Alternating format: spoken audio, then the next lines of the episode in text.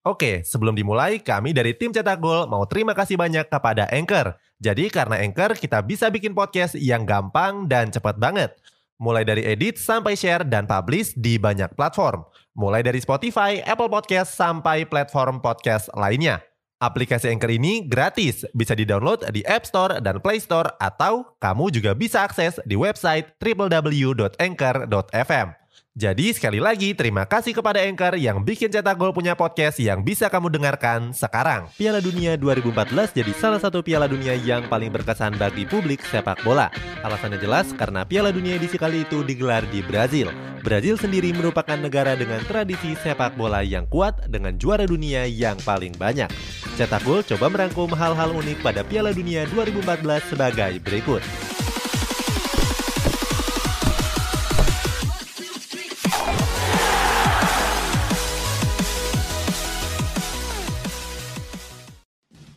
Jadi Piala Dunia termahal sepanjang masa. Piala Dunia 2014 di Brazil digelar di 12 kota yang berbeda.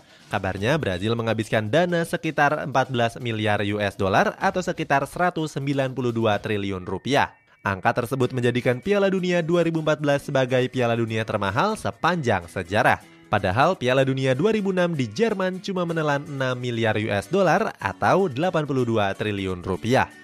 Selain biaya penyelenggaraan, Brazil juga dituntut untuk membangun stadion yang baru. Dari 12 stadion yang dipersiapkan, cuma 5 yang merupakan stadion lama. Membangun 7 stadion yang baru tentu membutuhkan dana yang gak sedikit. Salah satu stadion yang bernama Arena Pantanal saja menghabiskan sekitar 245 juta US dollar atau 3,4 triliun rupiah. Selain menghabiskan dana di stadion, Brazil juga memperbaiki berbagai fasilitas termasuk sarana transportasi.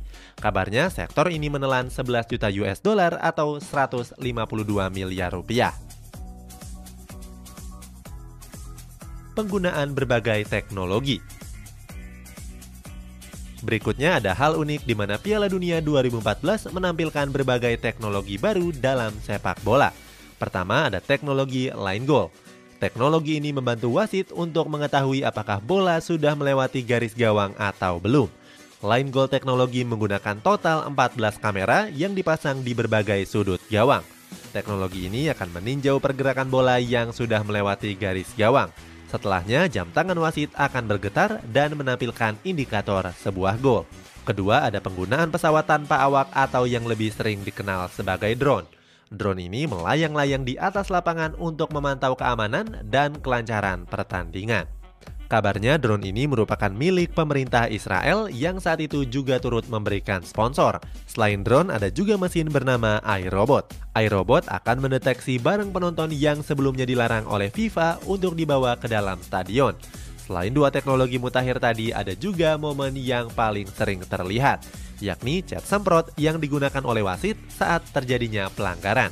Cat ini akan disemprot untuk membatasi jarak antara bola dan juga pagar betis.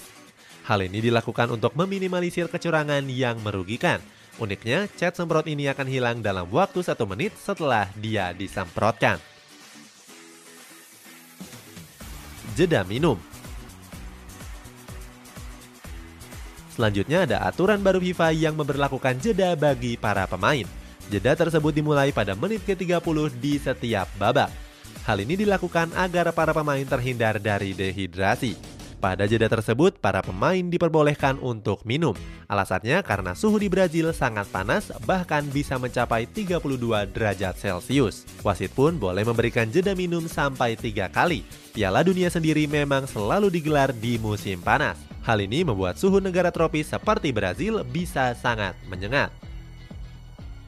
Oke, sebelum dilanjut, ada yang penasaran nggak? Gimana caranya bikin dan nyebarin podcast yang kayak gini? Nah, ini karena tim cetak gol pakai Anchor. Mulai dari rekaman, edit suara, tambah lagu, sampai drag and drop bisa kita lakukan sendiri pakai Anchor. Satu aplikasi sudah bisa buat semua kebutuhan podcast. Bisa di-download dari App Store dan Play Store atau bisa juga diakses dari website www.anchor.fm. Terus yang terpenting Anchor ini gratis. Download dan coba sendiri setelah tonton episode ini. Gigitan Luis Suarez Kemudian ada insiden fenomenal di mana Luis Suarez menggigit bahu Giorgio Cellini.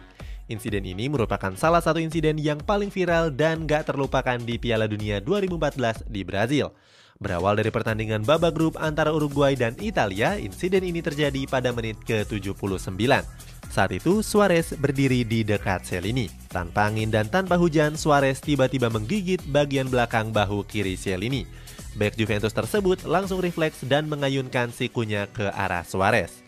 Saat itu, Suarez memegangi giginya, sementara Shelini memegangi bagian belakang bahunya. Shelini juga mencoba menunjukkan bekas gigitan Suarez kepada wasit yang bertugas.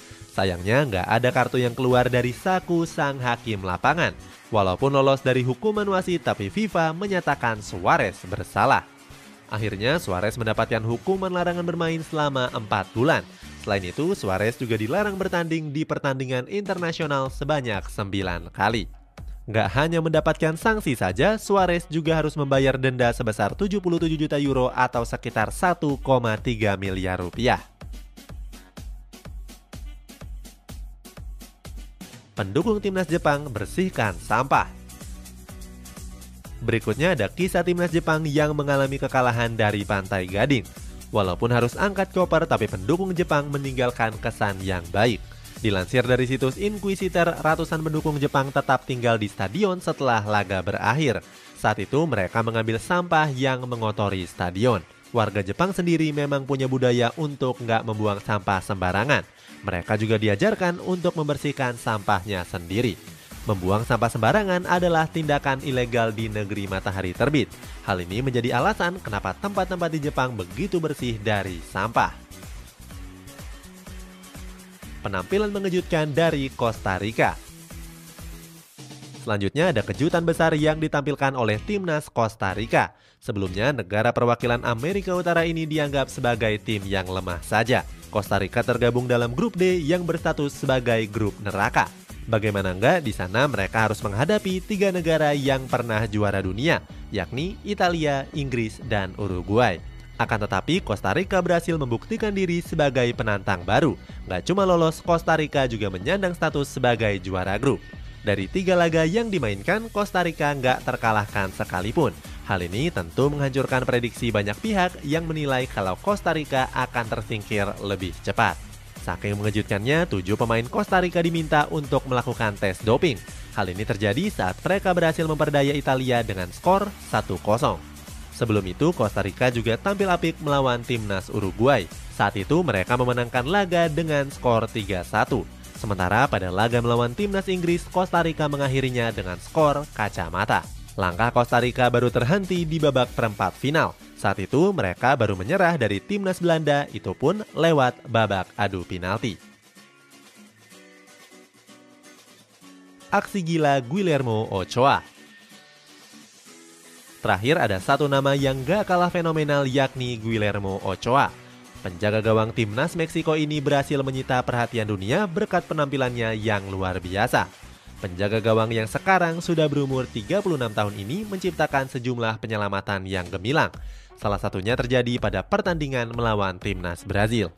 Saat itu, Ochoa berhasil menepis bola yang disundul oleh Neymar. Sempat mengarah jauh dari jangkauannya, Ochoa langsung terbang dan menepis bola tersebut. Aksi-aksi gemilang Ochoa tersebut mengingatkan publik sepak bola dengan legenda dunia yakni Lev Yasin. Lev Yasin sendiri merupakan kiper Uni Soviet yang bersinar di era 1960-an. Berkat penampilan apiknya tersebut, nama Ochoa sempat memenuhi jagat internet. Banyak yang memuji performanya termasuk bintang LA Lakers Kobe Bryant. Selain itu, halaman Wikipedia Ochoa juga sempat diretas. Dalam retasan tersebut, sang hacker menulis kalimat The Mexican Jesus atau Yesus dari Meksiko. Itulah hal-hal unik di Piala Dunia 2014 di Brazil. Tentunya masih ada banyak sekali momen-momen yang terlalu panjang kalau disebutkan di sini semua. Bagaimana menurutmu? Apakah Piala Dunia edisi 2014 adalah yang paling berkesan?